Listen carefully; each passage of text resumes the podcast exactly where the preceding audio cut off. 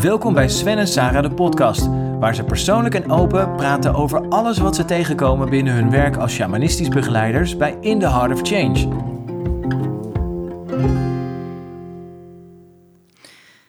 Ja, een beetje een spannend onderwerp.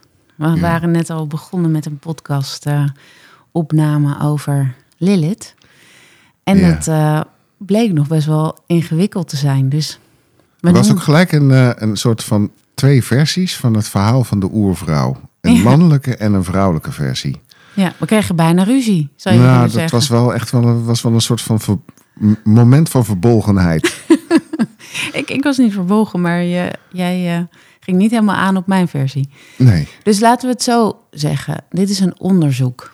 Want Ja, een onderzoek naar iets wat volgens mij heden te dagen ontzettend relevant is. Met woke en wat daar allemaal gebeurt. Eh, en, en, en, en MeToo.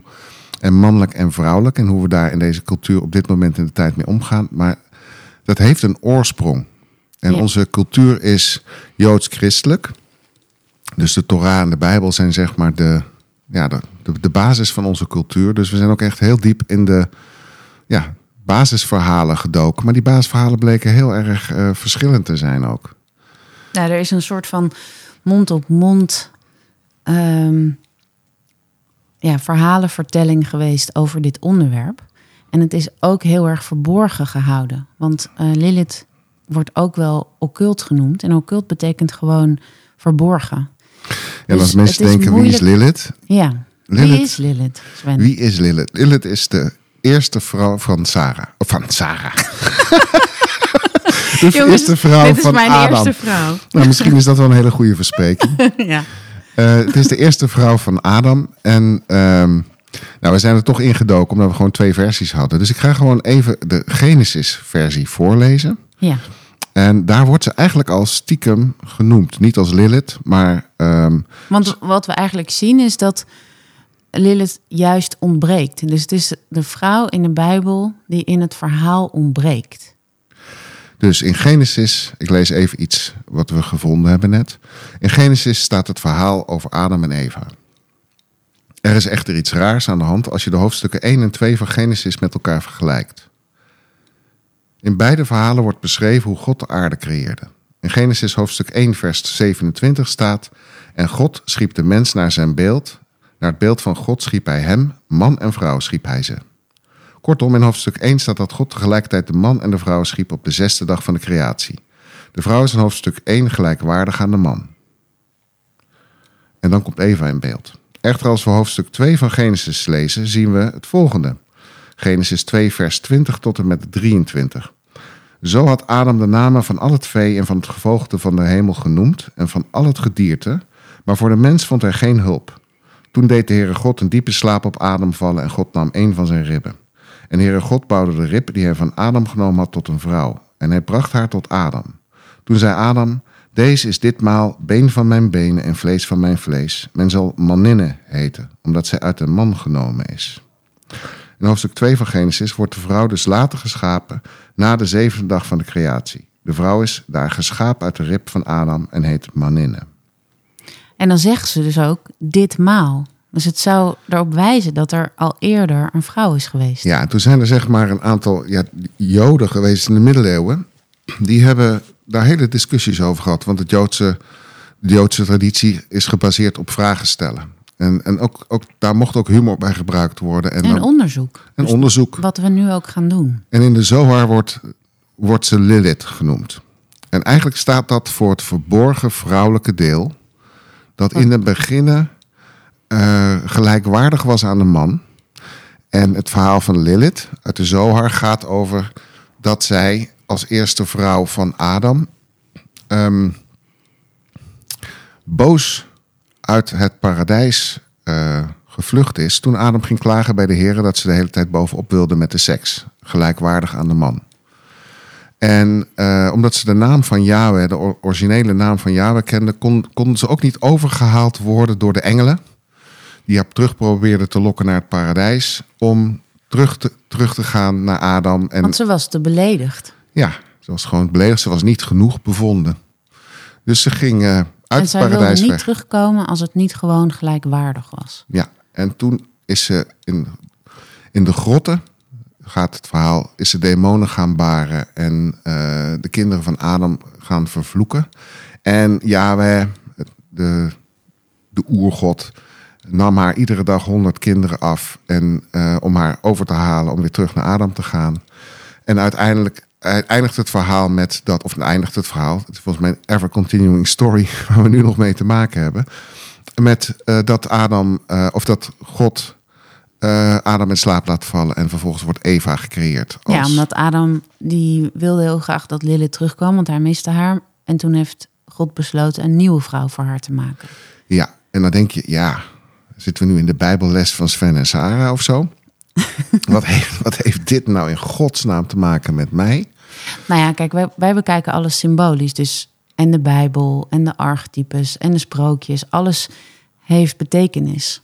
En is een reflectie van dynamieken die we zeg maar zelf ja, ook gewoon meemaken. Ja, dus collectief gezien, als we kijken naar het um, masculine en feminine, kun je zien dat daar ook af en toe iets ontbreekt in het vrouwelijke. Nou, als wij gewoon de gemiddelde boodschap van onze droomduidingen Mhm. is bijna bij alle dromers: je ego, je mannelijke deel is overactief. Ja. Ga ze wat meer ontspannen. Gebruik wat meer de vrouwelijke kant. Maar die is zeg maar occult gemaakt. Dus zeg maar het idee dat je gewoon vanuit ontspanning en rust ook je leven en vanuit het genoeg ook je leven kan leven.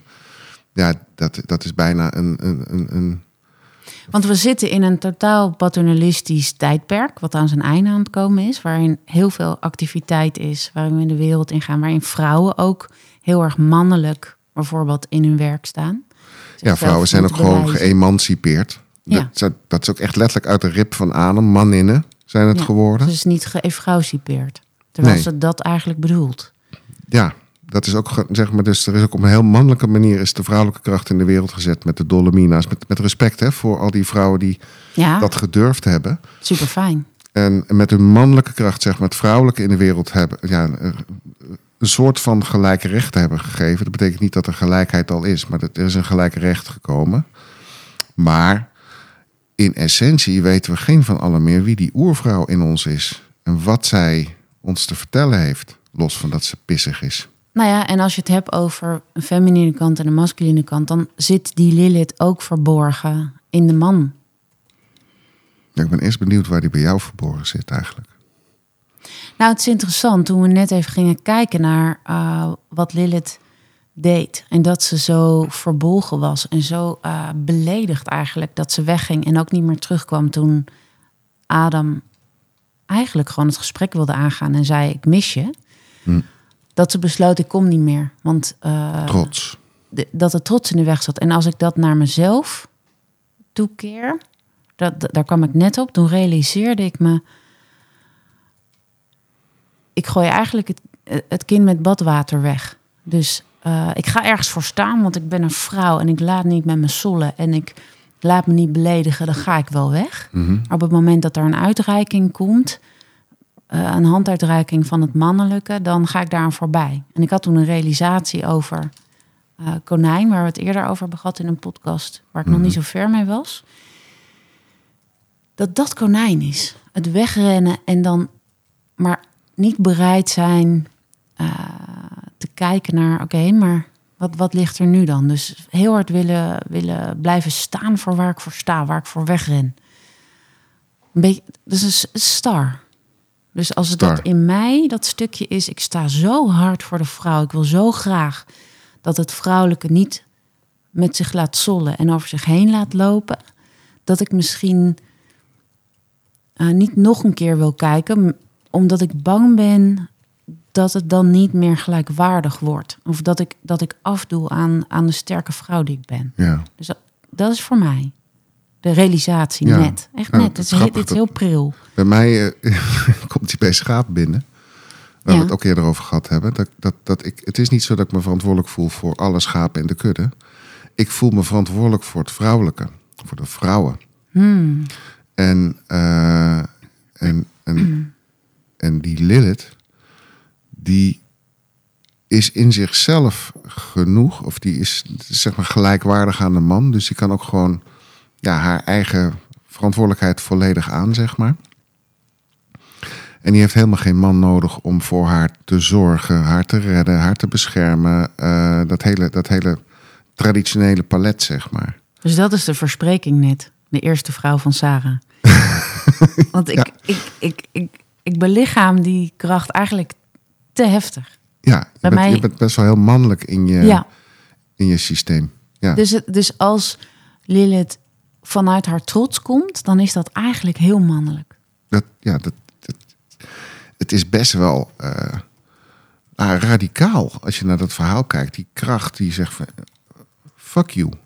Ja. Ik wil, ik ben niet, ik wil niet, ik wil niet gelijkwaardig zijn. Ik ben gelijkwaardig. En als jullie dit spelletje gaan spelen, dat mannenspelletje, met eh, dat ik niet genoeg ben en dat ik niet voldoe, dan, eh, dan ga ik liever buiten het, het paradijselijke, zeg maar, in de splitsing zitten. En dan ga ik demonen baren en dan ga ik gewoon, ik ga gewoon, ik ga gewoon all the way. ik merk echt dat het me heel erg raakt. Want ik, ik ben een beetje mijn humor kwijt op dit moment. Ja, Ik ben, ik ben strijdbaar. Ik ben heel erg alert wat je gaat zeggen. Ik wil mezelf niet laten overreden hier. Ik, ik merk dat ik heel erg eh, aan ben. Dus het, het, het raakt me heel erg, dit onderwerp. Nou, ik denk ook dat, dat, dat als jij dat zegt, dan, dan realiseer ik me. Ik zeg altijd: mannen zijn veel banger voor vrouwen dan ze willen toegeven. Hmm. En door de vrouwelijke kracht. En dat is, dat is ook omdat die vrouwelijke kracht volgens mij ge- gedemoniseerd is. Mhm. En heel venijnig en heel ondergronds en heel pijnlijk kan worden. Dus als jij Ja. dat zegt, dan denk ik: oei, dan moet ik echt gaan opletten. Want Ja. er zit in mij en denk in iedere man ook een soort van ontzag voor de vrouw. En het spel wat daar gespeeld kan worden en de. Wow, dat kan zo fucking venijnig zijn. Nou, ik, ik denk dat je gelijk hebt daarin. Want ik, ik, ik sta eh, aan en ik, ik heb echt het gevoel van... nou, als je één verkeerde move maakt of me beledigt... of eh, me verkeerd begrijpt, of dan, dan haal ik uit. ja, en, Dat is en- een beetje dat, dat, dat ja, dus van het in, vrouwelijke. in dat spanningsveld waar het eigenlijk over gaat. Van, wat is dat spanningsveld voor jou? Wat kan ik jou aandoen? Nou, me niet serieus nemen. Denken dat ik dom ben. Eh, dat ik iets over mijn kant laat gaan, waardoor ik eh, niet in mijn volle kracht meer sta. Omdat het. Dat is toch een spel tussen het mannelijke en vrouwelijke dan. Maar heb ik iets gezegd wat jou. Nee, nog helemaal niet. Maar stel dat. Oh, stel dat. Dan, dan, dan, dan ben ik klaar. Wil wel serieus genomen worden. Ja. Sarah heeft ooit een keer een verspreking gehad, daar moeten we lachen. Dat ze bij een eh, klant van ons. eh, ze heeft af en toe een, zeg maar een, een, een hele boeiende manier van met klemtonen omgaan. En nu had, had ze gezegd tegen een klant: Ik wil serieus genomen worden. dat was, daarom moet ik er even om lachen. Serieus genomen worden. ja. Serieus Nou ja, maar genomen dit, dit snijdt wel een, een, een punt aan. Omdat dat gaat wel degelijk ook over seksualiteit. Ja, En eh, waarin vrouwen niet serieus genomen worden, is eh, omdat het ook misschien wel bijna de prooi. Dat het vrouwelijke kan je altijd nog een se- seksueel object van maken. Dus de, de angst om in business of in, in wie je bent, of niet serieus genomen te worden in. Een man wordt niet geobjectiveerd in, in, Nee, maar in zo'n ik denk dat, dat, situatie. dat je gelijk hebt, dat dat seksuele stuk wel degelijk belangrijk is. Dus, dus de vraag is: worden vrouwen wel serieus genomen? Ja, Serieus in de zin van gelijkwaardig. Ook tijdens de seks worden ze serieus genomen. Is dat, ja. of zit daar dat spel in vanuit, of vanuit mannen en vrouwen al, waarin de een zich al liever als prooi opstelt en de ander zich meer als eh, predator? Ja. En ik weet niet of dat, kijk, dat geldt niet voor iedereen, maar, maar het is gewoon even een onderzoek. Dus ehm, Maar die handreiking van Adam naar Lilith, van kom terug, want ik mis je ook, ja, is kwetsbaar. Ook, omdat hij toe moet geven van ik, ik wil niet zonder jou. Het Ja. is het stukje van het vrouwelijke wat ook kwetsbaar mag zijn. Dus je mag ook, je kan ook wel prooi zijn. ik dacht dus zeg maar oorspronkelijk dat het gebaseerd was op jaloezie, maar het is dus niet zo. Het is gewoon trots. De trots van Ja. Lilith die voorkomt, dus de trots van de oervrouw die voorkomt dat er een heling plaatsvindt. En, en daar ontstaan een heleboel Maar misverstanden. zeg jij nu inderdaad dat je iets verkeerd begrepen hebt, waardoor je een, die verhouding met ik- vrouwen hebt? ja. Wacht even, sorry. Nou, zeg jij nu, ik dacht dat het ging over jaloezie. Dus dan vond je misschien de vrouw irritant. Van je doet niet zo jaloers of doe niet zo moeilijk. Of, maar dat je nu eigenlijk realiseert, het is trots. Het is iets anders. Dat je daarmee de vrouw anders zag? Ja, ik- nou ja, laat ik zeggen, het oorspronkelijke verhaal. Ik dacht dat, dat Lilith jaloers was op, op Eva. Maar dat is helemaal niet zo. Nee, want ze is En weggegaan dan, en dan begrijp, Eva dan begrijp ik vrouwelijke venijn, onderling venijn niet zo goed. Dan, dan zou het wel eens gebaseerd kunnen zijn op trots. Ik vind vrouwen vaak heel venijnig naar elkaar. Dat zeg ik gewoon. Mannen zijn liever naar elkaar. Vind ik echt. Niet in de oorlog, maar, maar over het algemeen in relaties, in dagelijks leven, vind ik vrouwen vaak veel niet competitiever, concurrerender. Maar ik dacht altijd dat het ging over jaloezie, maar misschien is het wel gewoon pure trots. Dat is gewoon onderzoek. Ik weet het niet. Nou ja, bijvoorbeeld als je een situatie neemt van als een man vreemd gaat. Voor mij gaat het erover dat ik niet wil dat hij liegt. Omdat ik niet belachelijk gemaakt wil kunnen worden. Van eh, ze heeft het niet door. Vind ik belangrijker dan dat ik denk dat die andere vrouw beter is voor die man. Ik heb heel vaak zeggen mensen dan: Oh ja, nee, want dan wil die iemand anders, want dan ben ik niet goed genoeg. Dat is helemaal mijn angst niet. Ik wil gewoon niet belogen worden, want anders lijk ik wel een domme vrouw die dat niet doorheeft. Nou, jij bent ook altijd heel erg verbolgen als, eh, als je intuïtie klopte. En bijvoorbeeld mijn verhaal daar niet mee, mee strookt. En je komt erachter van, hé, hey, hij heeft een deel van de waarheid achtergehouden. Wat eh, waarschijnlijk iets kleins lijkt, maar wat wel heel wezenlijk was. En volgens mij gaat dat inderdaad over ben ik zelf te Ja. vertrouwen. En misschien gaat dat meer richting trots. Nou, het gaat over dat ik mijn intuïtie niet tekort wil doen. En het gaat helemaal niet over een andere vrouw. Dus wat mij betreft gaat het helemaal niet over jaloezie. Ik wil gewoon, net als Lilith, als het, als het allemaal niet goed is, dan wil ik gewoon weg zijn. Maar dat is toch wel konijnengedrag. Ja, maar dat begrijp ik dus nu ook beter.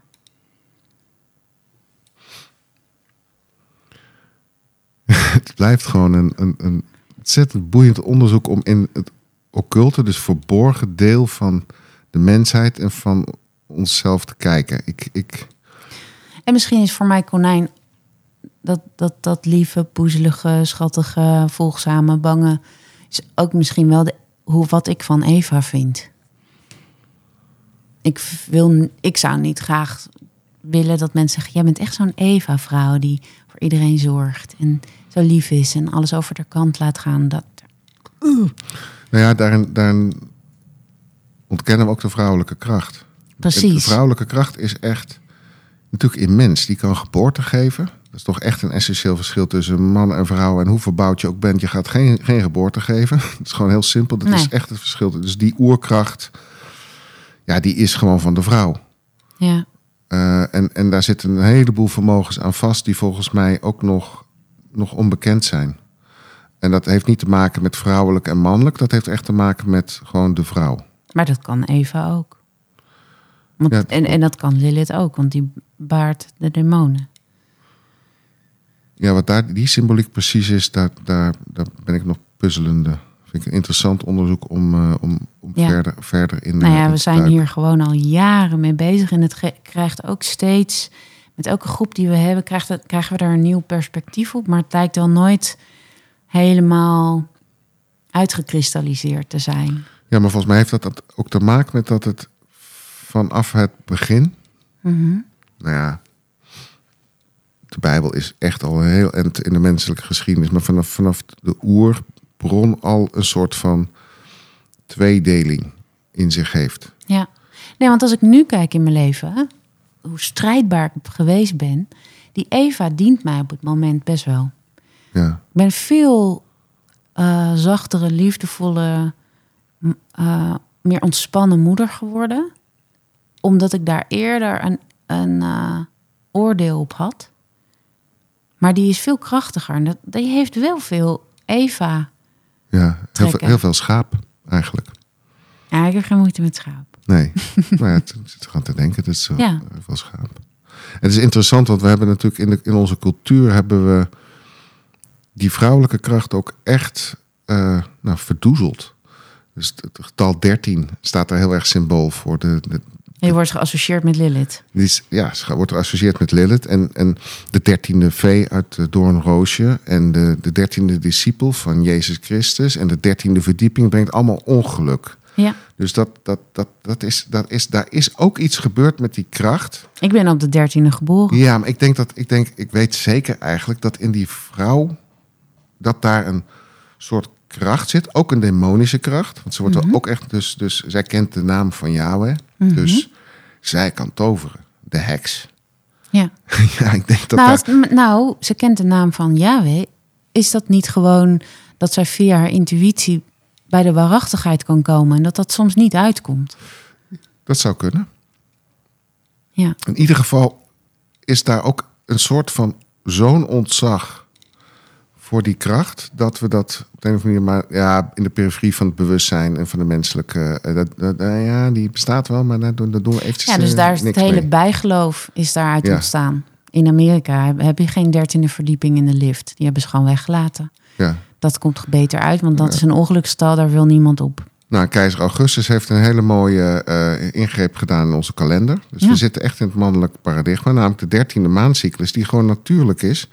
Ja, die, eh, die halen we eruit, want Ja. eh, we moeten mij eren. Dus we hebben nog maar twaalf sterrenbeelden ook. Want Ja. het dertiende sterrenbeeld is de slangendrager. Is de slangendrager. En de slang wordt ook heel erg geassocieerd met Lilith. Ja, En, eh, en, en- ja, en dat is dan in de Bijbel wordt het als duivels verleiding, verleiding van het vrouwelijke om. ja. Nou, en dat is wat er dus gebeurd is uiteindelijk. We, Het zit heel erg verweven in onze cultuur en in verschillende culturen. Ja, Het is gekoppeld aan bijgeloof, aan eh, het demonische, aan eh, de slechterik, aan de heks. ja, En dat komt allemaal door de overlevering van allerlei roddels, verhalen ja, ik geloof ook niet. en angst van de mens. Ik geloof dat het gaat over een hele pure oerkracht. Ja, Die volgens mij juist in deze tijd ontzettend geïntegreerd moet worden. En waar we echt allemaal onderzoek naar mogen doen. Van wat is die verborgen vrouwelijke kracht? M- mijn grote vraag is eigenlijk: wie is de vrouw? ja. Dankjewel. Dankjewel.